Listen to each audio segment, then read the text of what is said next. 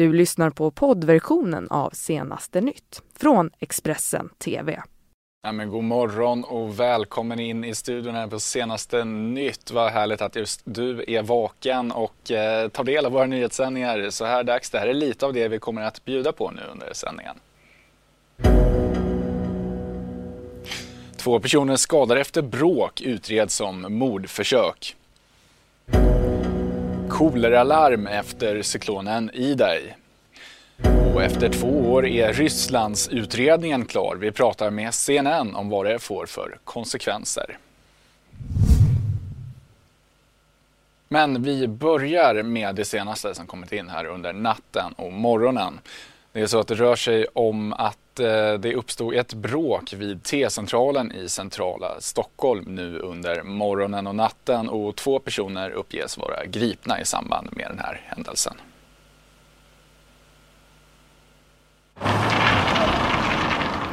Vid midnatt under natten mot lördagen inkom ett larm om att två personer har skadats efter ett bråk vid T-centralen på Vasagatan.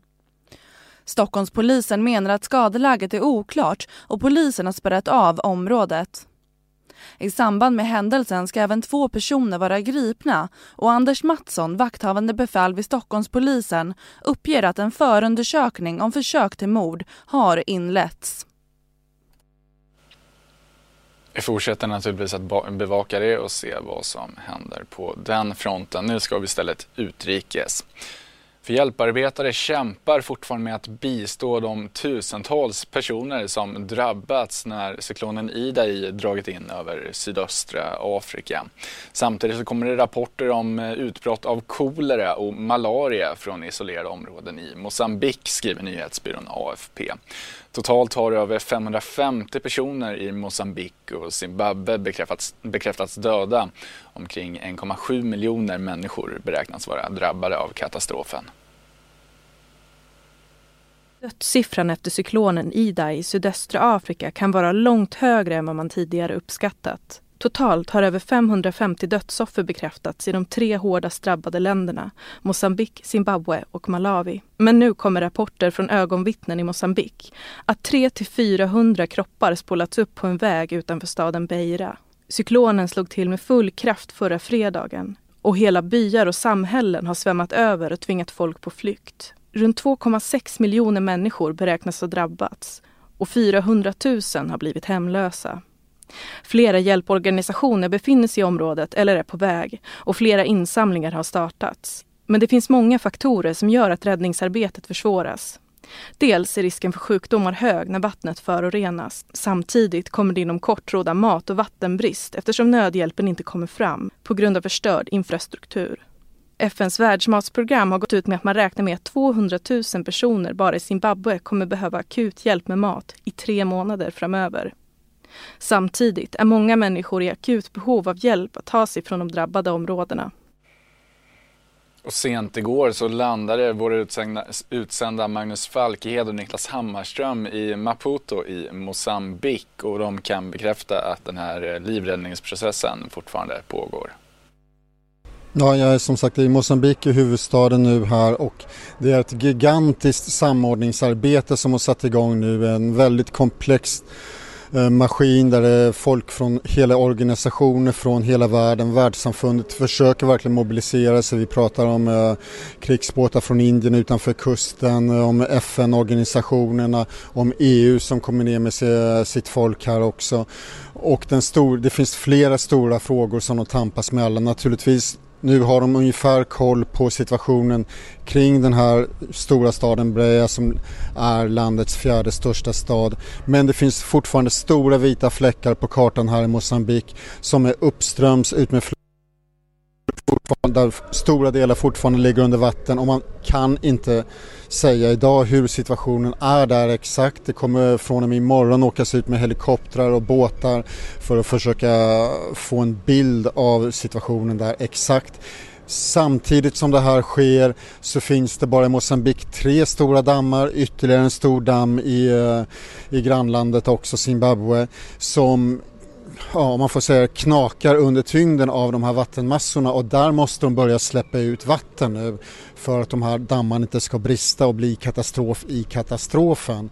Så det, där finns också ett stort frågetecken hur de här stora vattenmängderna, ja, hur mycket de kan sugas upp av eh, den här redan översvämmade jorden. Eller om det kommer ställa till ännu större svårigheter. Så situationen är fortfarande väldigt, väldigt oklar. Och utöver det då, vilka skulle du säga är de största problemen som man står inför nu i de här länderna?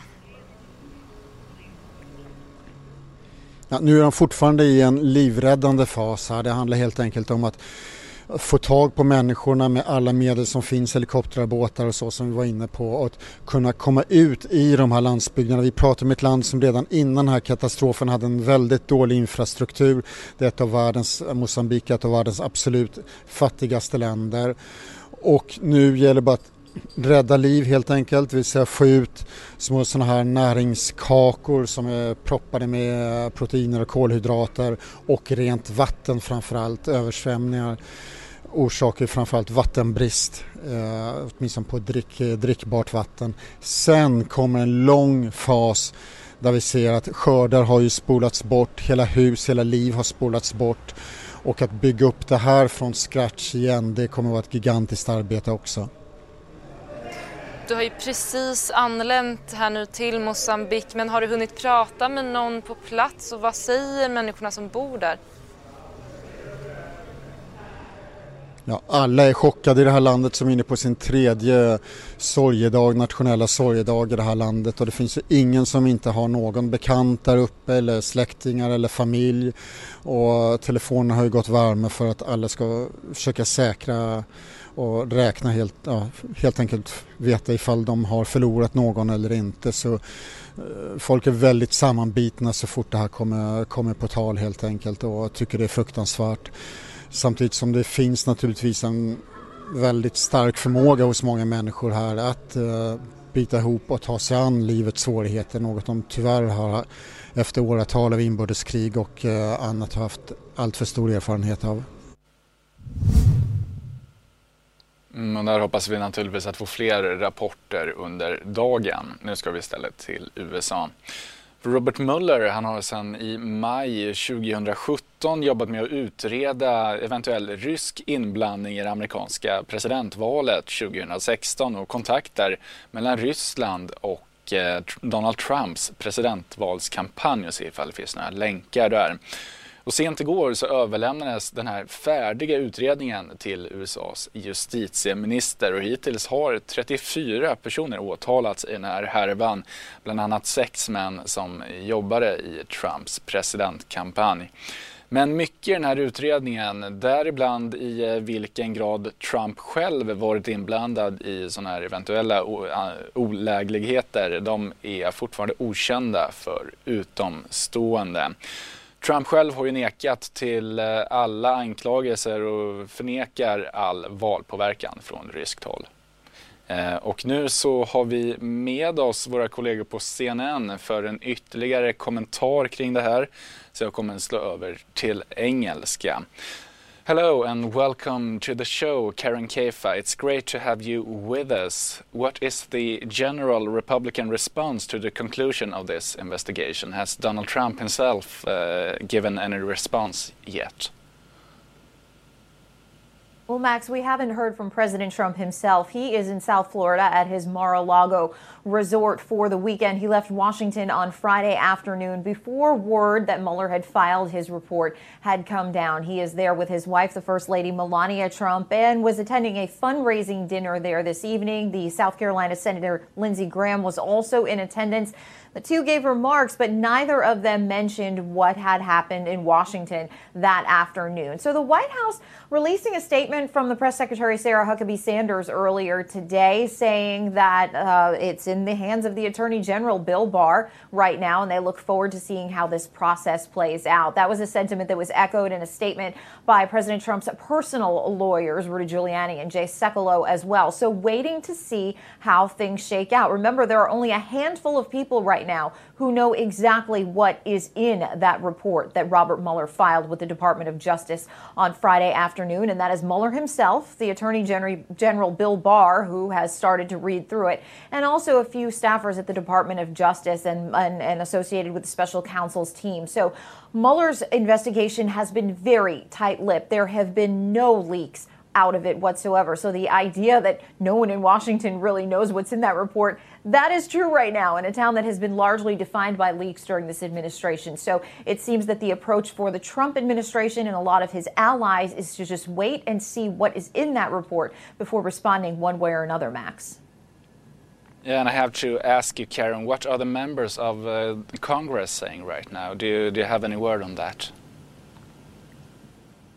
Yeah, lawmakers have been very outspoken, particularly on the Democratic side of things. You had Democratic leaders and a number of lawmakers not only calling for the Mueller report to be made public, not only to them, but to the American people as well to read, but also asking that Bill Barr, the Attorney General, and Robert Mueller perhaps consider coming before congressional committees to testify about the investigation and the conclusions that were reached in the report. They want as much information as possible from that report. And this is because Democrats, particularly in the House of Representatives, have been launching their own series of investigations into President Trump, into his campaign, into facets of his business. And so they feel a lot of that information could be useful to them as well. What we have heard from the Justice Department is that there will be no further indictments resulting from the Mueller probe. However, members of Congress would be looking for something a little bit different. It is the U.S. Justice Department policy to not indict a sitting president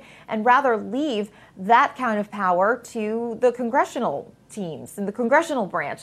Uh, and so the House Democrats will be looking for any evidence of impeachable crimes. That is what they want to take away from that report if it is there. And so that is why they want to see the entire thing. Now, in the Attorney General and his discretion, looking over that report as to what Congress can see, what the American public can see, he's going to be looking for a number of things that may not necessarily be able to be released to the public, including classified information, also secret grand jury proceedings, and information about individuals who may have been investigated but weren't necessarily indicted as a result of this probe. So, all of these factors being taken into consideration as lawmakers eagerly await that. Uh, Bill Barr, for his part, sent a letter to the top Republican and Democrat on each the House and Senate Judiciary Committee earlier this afternoon, and he said he could have principal conclusions to share with them perhaps as early as this weekend, Max. And Karen, what, what happens now?